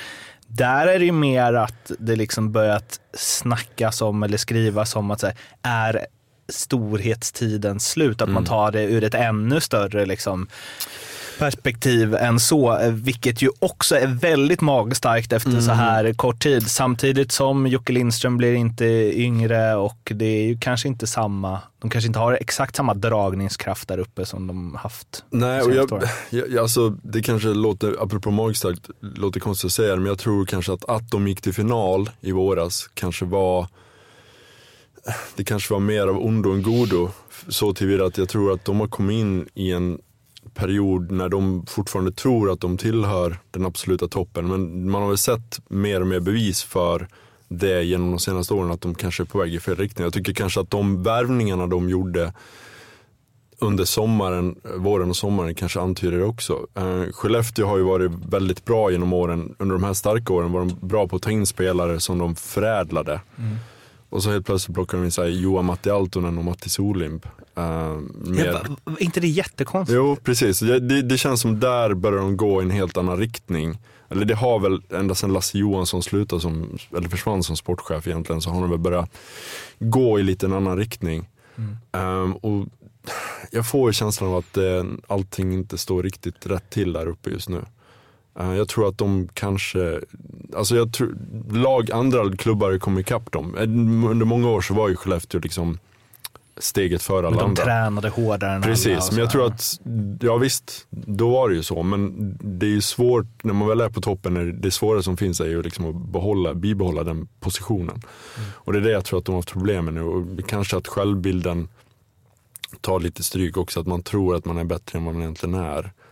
Eh, så jag tror att man måste ju hela tiden hitta nya sätt att utveckla sig själv på. Och det är väl det jag funderar på, hur det verkligen ligger till. Plus det, att, precis som du säger, att Jocke Lindström har ju varit eh, menar, de senaste tio årens bästa spelare i SHL. Men han fyller 35 nu och han kan ju inte vara SHLs bästa spelare för evigt. Och det, det jag kände kring till exempel Johan Matti Altonen när de värvade honom, då tänkte jag så här, för att det är så inpräntat i en efter all framgång som Skellefteå hade, bara, ja det är klart att de kommer få fart på honom. Men det är ju något annat att värva liksom en 32-årig eh, finsk landslagsman som spelat på samma sätt hela sin karriär. Ja. Det är inte så att han kommer bara, oh shit det här är något helt nytt, jävlar vad de åker skridskor här uppe och det här har jag, det visste jag inte att man skulle göra. Alltså, Lite genvägsförsök där. Man, man, man sitter i läget och bara, vi kanske, vi var i final, vi, hur ska vi ta nästa steg? Vi måste ha några topplirare till. Jag tror också, eh, det man glömmer med Skellefteå, det är ju att de hade kanske SHLs bästa målvakt i fjol. Enorm. Johnny Ortio var ju, han var helt fenomenal i slutspelet. Jag skulle säga den största anledningen till att de slog ut både Färjestad och Djurgården i serien när de kanske egentligen inte var alltid det bättre laget. Och inget ont om Antas, Mantas Armalis eller, eller Gustav Lindvall, men de har ju inte den där matchvinnarmålvakten nu och det är så otroligt viktigt idag i dagens hockey att ha det. Mm. Um, så där har de ju verkligen tappat i, i kvalitet också. Sen powerplay, var inte de? Ja, det är sämst i SHL. Ja, det är sämst i SHL. Det ska väl vara bland det bästa. Alltså det, Ja, med, de, med det material, men har man ändå Lindström och Möller så är det ju det. Det ska ju vara en framgångsmodell bara det. Finns det några stats man kan se på liksom då måste man gå in och nörda ner sig. Man tänker skottförsök, powerplay, hur de ligger. Hur de ligger. Skapar de någonting i powerplay eller är det bara, spelar de bara runt? Jag såg... Corsi i powerplay. Ja, men, ja, det finns ju såklart. Ja. Men jag tänker att de spelade runt ganska mycket. Jag har sett det här powerplay senast. Att de, inte, att de har slutat tro på det nästan. De, de åker runt, runt, runt och skapar liksom inga riktiga... Kommer inte in riktigt i hettan. Stats. Där kommer han. Då kommer jag. Eh, jag hörde början precis. Finns det några stats? Då är jag på G. Eh, ja, men vi kan ju bekräfta det som Uffe sa att, eh, och som jag kommer in, kommer in på eh, sen också. Jag kör en liten powerplay-genomgång. Men eh, Skellefteå har sämst powerplay i SHL. 13,95 procent. Eh, de har skjutit 73 skott på 15 matcher. Eh, att jämföra med Färjestad som har skjutit 96. Eh, och eh, ja, jämför med Timrå kanske inte är så. De har bara skjutit 35. Eh, men de ligger någonstans eh, där i mitten när det gäller eh, eh, antal skott i powerplay. Det är, ja, det, är du liksom, vi kan ju köra powerplay-grejen nu då, eftersom vi ändå hittar det som en, en viktig del i att eh, Skellefteå inte presterar. Ja men absolut. Eh, Det kan jag göra. Eh, Innan jag kör det skulle jag bara bekräfta då att eh, finska ligan fortfarande kör bronsmatch. De kör ju då bäst av sju i hela slutspelet men bronsmatchen är en match. Ja, det är väl tur är- det. Ja, ja, ja, det är precis. Det- det är jävligt sant. En bäst av sju i om bromset. Eh, Men ja, Helsing, Helsingfors slog TPS i våras, liksom en, en match där. Eh, jo, men jag har ju eh, försökt reda på hur viktigt powerplay är, det vill säga om placeringen i powerplayligan relaterat till tabellplaceringen. Eh, och jag har kört grundserien även den här veckan för att eh, slutspel är ju ändå något annat sådär när vi kommer in i det. Eh, och eh, vad jag då gjort är att jag har jämfört den eh, slutgiltiga tabellplaceringen och powerplay-positionen, eller powerplay-placeringen och fått fram en siffra för varje lag. Det vill säga om man kom tre i tabellen och kom fyra i powerplay så blir det ett. Eh, och eh, för 25 procent av lagen, och det har jag gått igenom sedan 2003, vilket kändes som en bra, eh, liksom en bra siffra och att det var det som eh, Stadsbyn Hockey har. Eh, så. Eh, men eh, för 25 procent av lagen så har det skilt 4 till 10 placeringar mellan tabellen och powerplay och för 75 procent, det vill säga tre fjärdedelar, så skiljer det max tre placeringar mellan eh, tabellplaceringen när eh, grundserien är slut och var de kom i powerplay. Eh, och eh, snittet totalt över eh, de här 16 säsongerna inklusive år är 2,5. Så man kommer alltså i snitt 2,5 placering högre eller lägre eh, än vad man gör i powerplay. Eh, och kolla på de 15 senaste seriesegrarna så var det en där det skilde åtta placeringar mellan tabell och powerplay. Det var Luleå 2011-2012. De kom nia i powerplayligan, gjorde bara 28 eh, PP-mål, 17,24 procent. Eh, jämför med Brynäs den säsongen som gjorde 57 mål och hade 25 procent. Eh, men de vann ju eh, trots det grundserien. Och, och sen var det tre, tre seriesegrar som kom sexa eller sjua i powerplay. Tre stycken som kom trea eller fyra i powerplay. Men och, och så åtta av de 15 senaste serierna, seriesegrarna kom antingen etta eller tvåa i powerplayligan. Och sex av dem var dessutom det bästa laget i powerplay. Eh, och av de lagen som kommit sist eller näst sist så är det också samma mönster. Det är bara fem av de 30 lagen som har kommit på övre halvan i powerplayligan. Eh, Och 21 av 30 har legat max två placeringar bättre i powerplay än vad de kom i tabellen, det vill säga sist eller näst sist. Och de som sticker ut där är Modo 2010-2011. De kom tvåa i powerplayligan men sist i tabellen. Eh, Det är konstigt. Ja. Lite dåligt boxplay. Ja, det var, men det var ju dock en rekordjämn serie då 2010-2011 där det ju skiljer bara 15 poäng eh, mellan Modo på eh, sista plats och Linköping på femte. Så att där var det ju betydligt jämnare liksom. Så att ja, siffrorna är väl ganska glasklara. Hur det går i powerplay har en stark relation till var man hamnar i tabellen. Och sen bara några liksom, lite siffror. Bäst powerplay-procent de 15 senaste åren hade Skellefteå 15-16, 29,2 procent. Det slår dock Malmö i år som har 29,79.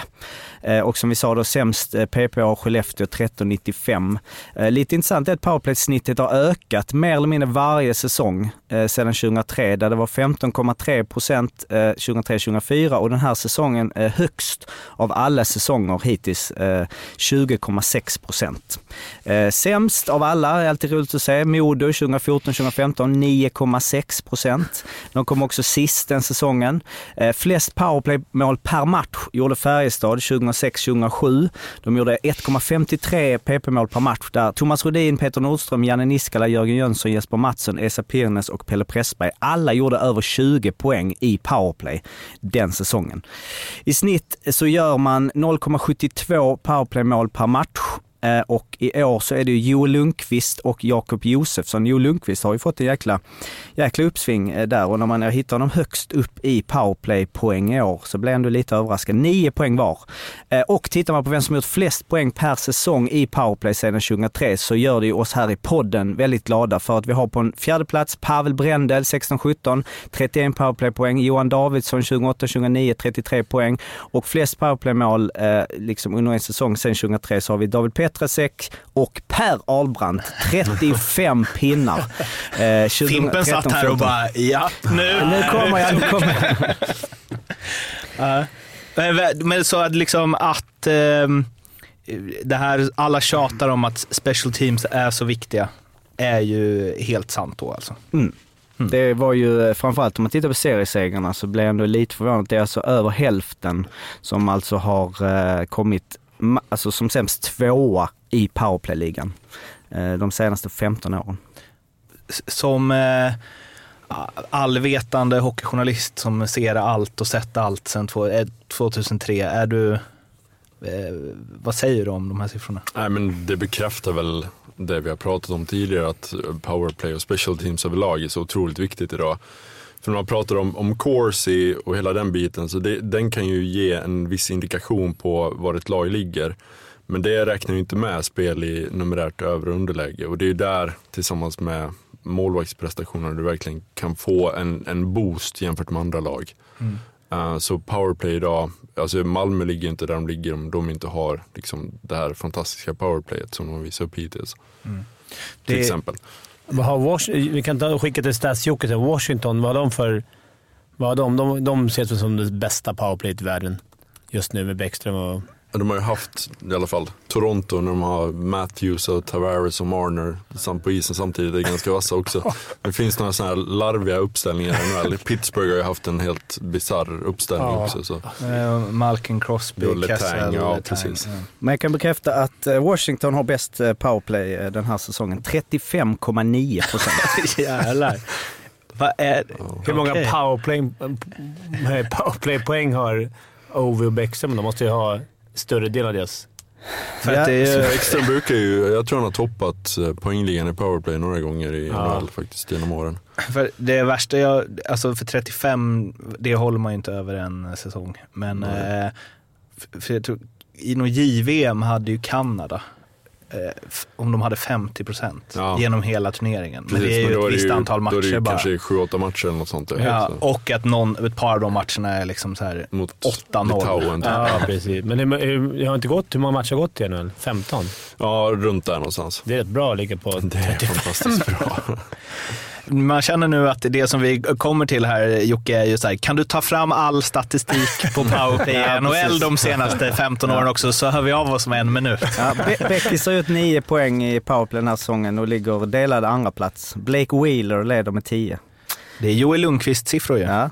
Eh, sen så det är bara då, det är ju, eh, det görs väl mycket mer eh, poäng i powerplay i NHL. Ja. Om man tittar på då 35,9, 33,3. Alltså Malmö då med sitt, som i och för sig ligger högt, 29,9, hade legat på en femteplats och då har de ändå otroligt höga siffror. Men över 20 är ju, ja, 20, 17 av 30 och en lag har över 20. Så att, ja, lilla rinken och så vidare gör väl att det görs lite mer poäng i NHL. Sämre mål sådär också. Synd att du aldrig fick chansen Nej. där. Då kanske du hade färgat på ett annat sätt. Stå framför mål när Ovi skjuter bara hoppas han träffar. Eller inte träffar. Ja, om du vill ha poäng eller om du vill vara hel. Men vi kanske ska eh, borra ner oss ännu mer i powerplay någon gång när eh, Arla är här. Vi ska eh, ta det vidare till eh, och snacka lite Rögle eh, innan vi kommer tillbaka till dig Jocke och quizet. Men innan vi pratar eh, Rögle så eh, gör vi en avstickare till just Ängelholm och den brändheta listan från Andrea Brändheden ser vad han har att bjuda på idag. Ja men god dag hockeyvänner, god dag. Uppehåll i SHL men SHL-podden kör vidare. Eh, powerplay på temat idag tycker jag är spännande. Det har ju funnits otroligt många skickliga svenska hockeyspelare i powerplay. Brännheden här då, han har ju listat sina tre favoriter. Och jag tänker vi hoppar direkt in i listan. På plats nummer tre, trun, Jakob Jacke Johansson. En av mina gamla vapendragare här i Rögle hade en förmåga av att alltid leverera passningarna i precis rätt tid. Det är faktiskt ett eh, otroligt bra, bra egenskap i powerplay. Man visste, backa upp, titta upp, där kommer den, smäll till, pang mål. Han har assisterat mig till mina ungefär 99,9% av mina mål faktiskt. Så på tredje plats Jakob Jacke Johansson. Andra plats Joakim Lindström. Spelar Skellefteå idag. Eh, precis som ni inte visste det. Han eh, har ju en förmåga av att vara lite mer lurig eh, på sin sida. Han har ju liksom en roll där han har en ganska fri roll på det Skellefteås högra offensiva sida och kan styra upp, styra ner, passa ner, passa upp, back. Men framförallt så har han den här förmågan att han liksom när han ska köra in och skjuta så är det svårt att läsa honom. Alla vet att där kommer Jocke, nu kommer skottet. Spelar ingen roll. Han åker in, tar en hög båge, snabbt snartigt skott, bort och kryss. Tack och hej. Jocke är fantastiskt skicklig på detta. Bra på att skydda pucken. Slår inte bort många passningar. Så att eh, Joakim Lindström får min andra plats. Då har vi bara vinnaren kvar. Robert Robban Rosén. Den här Alvesta-sonen. Som eh, nu gör succé i KHL. Eh, man kan ju tycka att Växjös powerplay har blivit sämre i år. Jag tror tusan det. Elias gör ju som han gör i NHL och Robban är också otroligt skicklig och gör det bra i KHL så att det är inte konstigt. Däremot så får man väl ändå hylla Robban lite som ändå var oftast hjärnan bakom eh, uppläggen även i fjol. Eh, otrolig förmåga att veta att nu ska jag passa, nu ska jag skjuta, nu ska vi lägga på back, sen slår vi en diagonalare. Inget sånt där megaskott liksom. Det var inte så att man fick skriva brev hem till sin mamma om det men tillräckligt för att göra mål. Sjukt bra sikte har han precision i skotten. Vet när han ska skjuta. Väntar in skymmare. Eh, så att jag, nej, otroligt imponerad av Robert Rosén i powerplay. Fint rörelsemönster. Även om han inte är den snabbaste så är han en av de smartaste faktiskt. Så eh, Robert Rosén tar hem första platsen i min eh, topp tre powerplay specialister. Ha en fortsatt trevlig vecka här. A bientôt.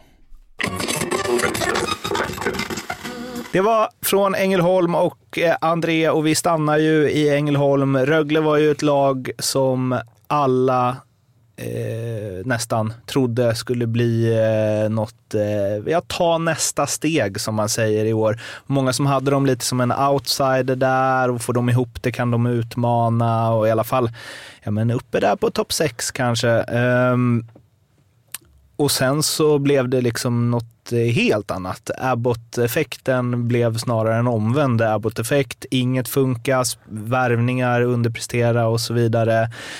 Eh, talanger kom inte överens med tränaren. Men sen vips eh, var det något som svängde där. Fyra raka segrar har de nu. De eh, slog både Växjö och även Djurgården borta. Mm. Eh, riktigt starkt. Vad har hänt i Rögle? Ja, jag var på Hovet i lördags och eh, pratade med en hel del spelare efteråt. Försökte liksom få en bild av vad som har förändrats där. Alltså, det var ingen som sa det rakt ut, men jag får ju känslan av att Cam Abbott kanske ändrat sin ledarstil lite grann. Jag tror han var väldigt, väldigt aggressiv i början när det gick dåligt och eh, tog ut det på vissa spelare. Det var ju Lukas Elvenäs där som är en otroligt stor talang som han satte på läktaren och det var rykten om att han skulle bort och liksom allt, det såg liksom ett korthus som höll på att falla ihop där. Men jag, jag tror lite grann att han kanske tog ett steg tillbaka och tänkte att okej, okay, det här funkar inte riktigt. Vi får försöka vara lite mer pedagogiska i vår ledarstil och jag tror kanske att det i kombination med att den här lilla motstudsen de hade tidigt i, i matcherna, att den har, att det har vänt för dem lite grann. Att de får uh, mer med sig och har byggt upp en stabilitet i, i spelet på ett annat sätt. De såg väldigt um, stabila ut mot Djurgården faktiskt. Jag tyckte de tog en välförtjänt seger där.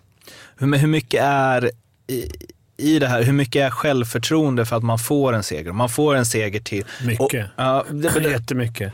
Mm. Det är därför det är extra starkt av, av Rögle. Med den här starten de hade och ändå kunna vända på det. Nu är ju tabellen väldigt jämn, så man hoppar upp på placering efter en match. Men bara att vända på när man är där nere. Det är lätt att man liksom bara hamnar i, i gruvan och bara gräver sig ner och ner och ner. Så det gör den här prestationen extra stark. Men det är det jag tycker, man såg ju framförallt mot Växjö där Ted Brithén liksom, som ju verkligen steppat upp. eh, Men, men, bara när han gör poäng, att man ser så här lättnaden när han Mm. gör mål. Alltså att det är mycket, mycket som släpper där. Men det tycker jag också gör det svårt att bedöma, eh, ja, men lite som du var inne på med så här, går det så går det hockey. Då är det så här, ja, har du liksom självförtroende, allt bara flyter på, tränaren behöver inte göra så mycket mer än att liksom, ja men mana på och så vidare. Kontra att när det inte går så krävs det att man har en lösning, vet hur man ska jobba då och så vidare. Och därför tycker jag att det är svårt att så här, ja nu efter fyra raka segrar är det klart att de är bra. För att allt bara, spelare har fått att lossna med produktionen och så vidare. Men det som är svårt med det, efter den inledningen de hade, är ju att veta så här, hur bra är de då i år? Mm. Är de så här bra eller var de, är de så dåliga som de var innan? Eller landar vi någonstans mittemellan? Och därför ställer jag den frågan till er. Ja, men jag tror inte, jag tror ju, och det har de bevisat nu, jag tror inte att de var så dåliga som, som de visade i början. Ehm, samtidigt så, jag hade väl kanske inte lika höga förväntningar på dem på förhand som många andra. Jag tycker att de blev lite håsade uh, utefter hur de eh, presterade i början på förra säsongen. Eller i, början, i slutet av förra säsongen. Alltså det här är en process och i, i Rögles fall så har det varit liksom att en kulturförändring som är på väg att ske med Abbots och deras ledarstil. Och det tar ju oftast tid att implementera den och få den att liksom sjunka igenom hela verksamheten. Och det är väl kanske det som har varit problemet också, att eh, folk har, kanske framförallt Ängelholm har liksom höjt förväntningarna extremt mycket baserat på att det gick så bra i slutet av förra säsongen. Men jag tror att det här är någonting de kommer behöva jobba på genom, över tid, få en röd tråd genom hela föreningen, att alla har samma spelidé med juniorlagen och precis som det är i de här framgångsrika lagen som jag sett Skellefteå när de var som bäst, Frölunda, Djurgården. Eh, som, saker som de har implementerat, det tar oftast tid att få till det. Mm. Och jag tror att i Rögles fall så behövs det säkert något år till innan de, innan de kan vara ett lag och räkna med på riktigt allvar. Eh, när jag pratade med eh, Daniel Saar inför säsongen så sa han att det är något helt annat i eh, Rögle nu mot när han var där förra gången. I liksom, och även när han har mött dem och liksom pratat med kompisar som spelar där och så. I kravbilden och så. Och att det är något som, alltså, det har funnits en loser-kultur runt fansen är helt okej med att förlora. Liksom. Det är lite så. Men Eh, men att det har börjat ändras och att Abbott är en stor del av det. Men det är ju också deras ledarstil utan att eh, veta liksom inifrån. Är, ja, känns ju väldigt tuff och hård och så. Och det är ju något som funkar när det går bra. Men det känns som att det är få spelare som tycker att det är nice med någon som står och gapar på en när det går emot. Ja, det, det är klart det är jobbigare att få skäll när, man, när, man, när det går tungt. Men det, det känns mer nordamerikanskt, den, den ledarstilen. Och sen ska man implementera det här i Sverige. Som Uffe säger, det kommer ta tid. Och det måste börja, liksom, hela föreningen måste ta, ta efter det. Men det här med att stå och skrika, och det, han måste ha förändrat någonting. För att den förändringen som han har gjort är ju liksom uppseendeväckande. Det är från ingenting till Allting. till, ja, till allting. Sen är det, det är bara fyra matcher nu, men, eh, jag, tror, jag tror att han, som du säger, det måste varit någon förändring i, i ledarstilen. Jag har svårt att tänka mig att han skrikit igång de här Mm. fyra matcherna. Men, men det är också, du måste ju kunna ha en, eh, men det som har pratats kring Abbott är liksom hög kravställning och att alla, liksom hela föreningen måste så här, leverera varje dag. Man kan inte hålla på och fuska med grejer utan man måste bete sig som vinnare för att bli vinnare och så vidare. Men det behöver ju inte också innebära att, eh, att det ska vara den approachen i ledarskapet mot spelarna. Alltså, Alltså, är det självklart att så här, alla ska göra jobbet varje dag, men det behöver inte betyda att så här, om ni inte gör det, då jävlar ska ni få Nej, höra alltså det. det, Alltså, det krävs ju lite mer pedagogik. Jag tror speciellt med unga spelare idag har vuxit upp på ett annat sätt än till exempel Fimpen Ja. gjorde på den tiden. Och jag tror ju också, står du och skriker på dem x antal matcher i rad, det kommer, det kommer, du, du kommer bara förlora omklädningsrummet och de kommer slå dövörat till. Mm. Alltså du måste ju du måste ju ta samtalen. Det var faktiskt någonting som Lukas Elvenäs sa till mig efter matchen. Att eh, men jag har haft ett bra snack med, med Cam. Eh, han har hjälpt mig väldigt mycket och, och det tolkar jag som att det har blivit en mer pedagogisk inställning. Att förklara vad det är som jag gör fel Mm. och hjälp mig att korrigera det istället för att bara skrika att du är en sopa, du är en idiot som Mm. inte fattar. Liksom. Mm. Jag tror dagens spelare behöver ju, de vill ha ständig feedback. Liksom. Det, det är det som utvecklar dem. Vad är värsta hårtork du fått? Det är många. Jag har fått många, många både Hardy och Wikegård och Lasse Falk. Jag vet inte om man kan lista upp dem, men jag, vet inte, han, jag fick ofta ta den rollen för att eh, både med Hardy och Wikegård så kände de att vi hade någon understanding att, att, att liksom, du kan skrika på film. Vi kan använda han lite som... Ja, Du kan skrika på film? Ja, men jag kunde bara alltså, garva bort det ofta. Det var en Hardy, ni, ni är ubåtar där ute utan du. Du ser ut som en död. Du är som en planka som ligger helt död. Det finns många, många som han har sågat mig, men jag, jag, kunde, jag lärde mig ganska tidigt att skilja på hockeyspelaren Fimpen och eh, personen. Så jag förstod att inte Hardy, eller Wiker eller Lasse var sur på mig. Men, men varför, alltså för du känns ju också som så här, var det någon som gjorde jobbet så Ja. var det ju du. Men det var liksom när, var när Linkan slarvade i PP så skällde de på dig. Men det är det som är så kul. Det är det som är så roligt att vara ledare kan jag tänka mig. För det är precis som ett företag. Du, vissa måste du klappa med hårs, vissa Ja. måste du sparka på. Alltså så är det ju. Jag var en sån som behövde lite skäll. Att jag kunde somna in och säga oj nu, den här äh, adrenalin. Skulle du kört samma behandling på Linkan, då skulle han bara knyta upp grillen och gått därifrån. Mm. Alltså, det är ju det som är ett lag. Det är precis... En bra företagsledare skulle bli en grym headcoach. Mm. Det handlar ju om människor. Så du är för eh, lite skrik och gap ändå? Ja, men på, på rätt ställe. Man kan, inte skrika hela tiden för då blir det ju tappar i effekten. Utan Det är bra att veta liksom, i att vi jobbar nu, att jag behöver liksom Skrik till och med skrika. somna till. Men vissa behöver det. Vissa behöver, jag tror inte man... Det finns, jag vet inte hur mycket de behöver skrika på McDavid. Han gör väl aldrig fel, men, men eh, du vet, det är, du vet hur det är bland vanligt folk. Vi alla behövs tas olika. Som en planka Fimpen. En död planka En död planka. Så vi Det är hårda ord alltså. Död planka. Det, jag, jag tänkte på en grej vi ska skicka upp till Stats-Jocke sen. De har alltid sagt att det laget som har minst... Alla lag kommer ju ha perioder man inte vinner. Man går in i en Mm. svacka. Det laget som har korta svackor hela tiden, man kan hålla svackorna korta i det laget som kommer till slut Mm. stå som segrare. Det kanske är svårt att kolla upp Ja. det, men Och att han också kan kolla upp hur många döda plankor man faktiskt kan ha i ett lag utan Och att det är går en- helt åt och är en planka död. och är en planka död. Vad är lev, levande puls på en planka? Eh, vi ska ju, ja det får väl Jocke grotta i senare, men eh, nu eh, ska vi bjuda in honom igen för det har blivit dags att snart runda av och det gör vi ju som bekant med ett quiz. Stats!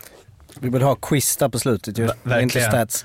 Eh, jag, ska bara, jag, jag googlade ju direkt eh, Fimpen. eh, jag vet inte vad- Planka. Jag Fimpen Ja, men jag vet inte, jag, jag, hårda bla bla bla. Men hade mer sagt det. Men det var, ja, det var ju några andra hårda där. Lasse Falk, alltså du, det här är citat, jag antar att du har själv sagt dem. Säger, Ja. Lasse Falk, jag har sett att dina föräldrar inte hade något hockey-DNA att föra vidare till dig. Men du kan väl försöka åka skridskor i alla fall. Aj, aj, Den är tuff.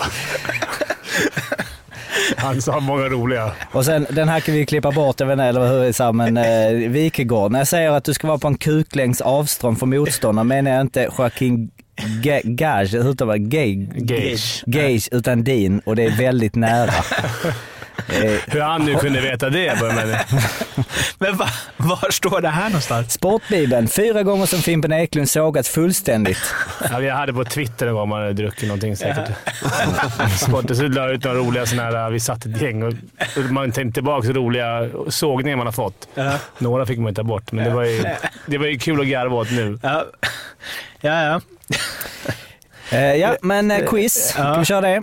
Eh, först måste jag bara, hela tiden in in och bla bla. Men lite uppföljning på förra veckan, eh, statsgrejen var att ni nämnde ju Kent Kneten Andersson som enligt Elite Prospect gjorde 408 mål på sex säsonger som 38 till 44-åring i division 3.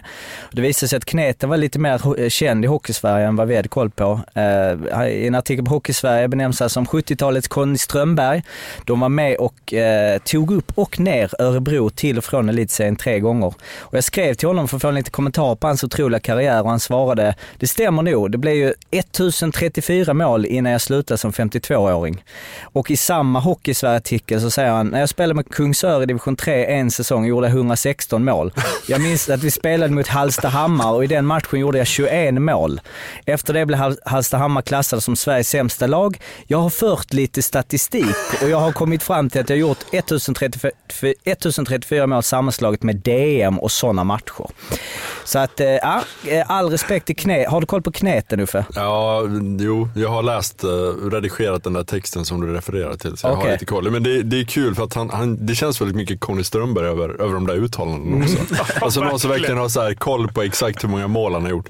I Connys fall kanske det skulle vara assist, men, men ja, ni fattar. De borde spela tillsammans, känner Ja, man men ju. precis. Och det känns som Conny kommer säkert också spela någonstans när han är 52 år. Så att, eh, Men man är nu, alltså vilken eh, liksom, eh, vilka eh, filter, man säger, vilken källkritik finns när division 3-mål ska, Ja. ska hällas in? För han har bara målen. Det finns inga matcher, finns inga assist, ingenting. Så det måste ju varit knetens egna siffror som har letat sig in där. Det kanske du skulle applicera Uffe på din karriär? Ja, precis. Jag får uh, undersöka hur jag, kommer å- hur jag kan ändra Elite Prospects. Vad kostar per mål? Ja, precis. Division 3 är det nog ganska billigt. Då kan du komma upp och vinna eh, poängligan i Allsvenskan till slut, eh, Fimpen. När du väl, om 10-15 år så kommer du att leta dig upp till första platsen. Ja, är det, det, det, kneten kanske kommer vara quizsvaret någon gång, när vi har glömt bort Ja, honom. det är så här, 10 poäng. Gjorde 1034 mål. Ja, exakt. På en match. Ja. Eh, nej men quiz eh, och eh, eh, vi är så jäkla dåliga på att följa upp den och vi måste ju ha någon slags eh, Excel för att veta hur det går. Men det känns som du Mårten har eh, Fimpen har varit som en död planka i alla Ja, fall. Fimpen har ju kämpat. Du tog ju den första, förra veckan, Jocke Eriksson direkt på 10 poäng. Superfel. Ja. Micke Nylander var det. Det är ändå Men du hade- spänna bågen. Hellre spänna Ja. än båge. Ja. Eh, Men då är det så att eh, det är en spelare vi söker eh, och eh, jag kommer att ge ledtrådar. Vi kommer börja på 10 poäng och sen 8, 6, 4, 2. Och när ni tror er veta vilken spelare det är vi söker, ropar ni ett namn och skriver ner. Har ni någonting att skriva på? Eller kom ihåg det i huvudet. Ja. vi behöver inte så. Men säg inte det högt och så läser jag alla ledtrådar till slutet så låter vi lyssnarna också um, vara med. 10 poäng. Han föddes 1970 och har tre SM-guld, ett VM-silver och ett VM-brons. Han inledde seniorkarriären i Strömsbro slash Gävle HF 83. Uffe. Ja, och Mm. Fimpen också. Jag har chansen. Alltså, du behöver, ja okej. Sneglade du eller vad är det? Du, Nej, men jag tror att... Nej, jag väntar förresten. Jag tar Väntar du? Okej, väntar. ja, men okej. Åtta poäng. Elitseriedebuten gjorde han i Brynäs 1991 där han spelade fem säsonger innan han som 26-åring stack till tyska Landshut. Han är leftare och har gjort tolfte mest poäng i SHLs historia. Fimpen. Mm. Vi kör då. Mårten, sex poäng. Efter två säsonger i Tyskland var centern tillbaka i elitserien i Frölunda där han sedan bara spelade tills han avslutade karriären 11 år senare. Ja, Mårten. Och så för lyssnarna då. Fyra poäng. Han blev assisterande kapten i Frölunda 1999 och lagkapten 2003. Han spelade med nummer 30. Han var tränare i Vita Hästen fram till januari då han fick lämna. Och två poäng. Var han en bra spelare? Jo, jo. eh, vem var det vi Ska vi i sökte? kör, Ska jag, då får vi i kör, precis. Då, så blir det Jag lite... kan inte. Okej, ett, två, tre. Jonas Jonsson. Snyggt! Ove Molin. Alltså du är en död planka på quiz. Jag hade Ove Molin. Jag tänkte såhär, fan nu ska jag vara tidig här. Vad- vad- hade du Ove Melin även på 10 poängen? Eller det ändrade du? Jag ändrar inte. Ah, okay. Uffe starkt. Starkt. 8 poäng. Ja. Nej, 10 tog du Tio. direkt. Jag tror det tog var den 10 på- faktiskt. Ah, Strömsbro. Björn Åhléns gamla klubb där. Jag, jag lyssnade ju när han var med i er, er podd. Där. Eh, Så det var det. 70 och uh, Strömsbro. Det var, det var det jag knäckte det på. Jag borde Fantastiskt vetat om. Ove Molin. Han är, han är väl Trångsund. Trångsund, ja, precis. Och Precis där 71, jag bor va? också. Ja. Det är ju, eh, Arla tog i Weinhandel, på, där sa, vad, vad hann du säga då? Född i Ljungby. Ja, och gjorde en herrans massa poäng i, J, eh, i juniorlaget. Ja. Men det här var ändå det här var mer imponerande skulle jag säga ändå. Verkligen. Ja, eh, det var det avslutande quizet. Vill ni ha mer av eh, eh, Arla och Andreas så finns de och deras alster på solbloggen.se. Vill ni ha mer av Uffe så är det hockeysverige.se och NHL-timman. Ja, och jag skulle väl säga Elite Prospect. Så vi är på väg att starta en väldigt spännande internationell satsning där på Mm. Um, ja, eh, engelskspråkig um, prospectsinformation. Så om man är intresserad av juniorhockey, collegehockey, ja, NHL prospects, vad som helst så kommer man snart att kunna läsa om det på Elite Prospect. Jag trodde du skulle säga, och eh, på Elite Prospect. Men ni kan gå in på min profil imorgon för jag ska bara fixa lite där. Så bara öka utvisningsminuterna lite. Ja. Det finns ju en väldigt eh, bra ny premiumtjänst där också som Stämmer är bra. väldigt eh, Statsjocke-kompatibel. Ja, precis. Eh, önskat sig den i julklapp. Jag tycker vi ska ta tillbaka Uffe någon gång senare och bara köra lite prospect. Ja. Alltså, bara, det är bara det. Och bara, bara quiz kanske. Ja. Eh, ni följer oss på Twitter, SHL-bloggen. Vi blir jätteglada om ni går in på iTunes och Acast och prenumererar. Eh, tusen tack Uffe för att du kom och vi hoppas att du kommer hit igen. Det är bara att ringa. Det är bara att ringa. Nice. Tack själv. Fimpen, Yes. vi kämpar vidare du och jag. Vi krigar på. Eh, hem och quiz Hem och, öva. ja, jag, ska, jag ska läsa igenom hela Elite Prospect. ja, det låter bra. Vi vi ska ut på vägarna idag ju. Vi ska ut Ja, på vägarna tid- idag. vi tid då får vi gå igenom. Vi håller, ska ju spela in en eh, webb-tv-serie kan vi eh, tisa lite om för Betssons räkning. Fimpens Resa är arbetsnamnet. Ska den heta det? Mäktigt. Mäktigt. Ja, eh, den kommer bli mäktig. Vi hörs igen i podden om en vecka. Tills dess, må bra där ute i stugorna och hej då! Hej! Hej.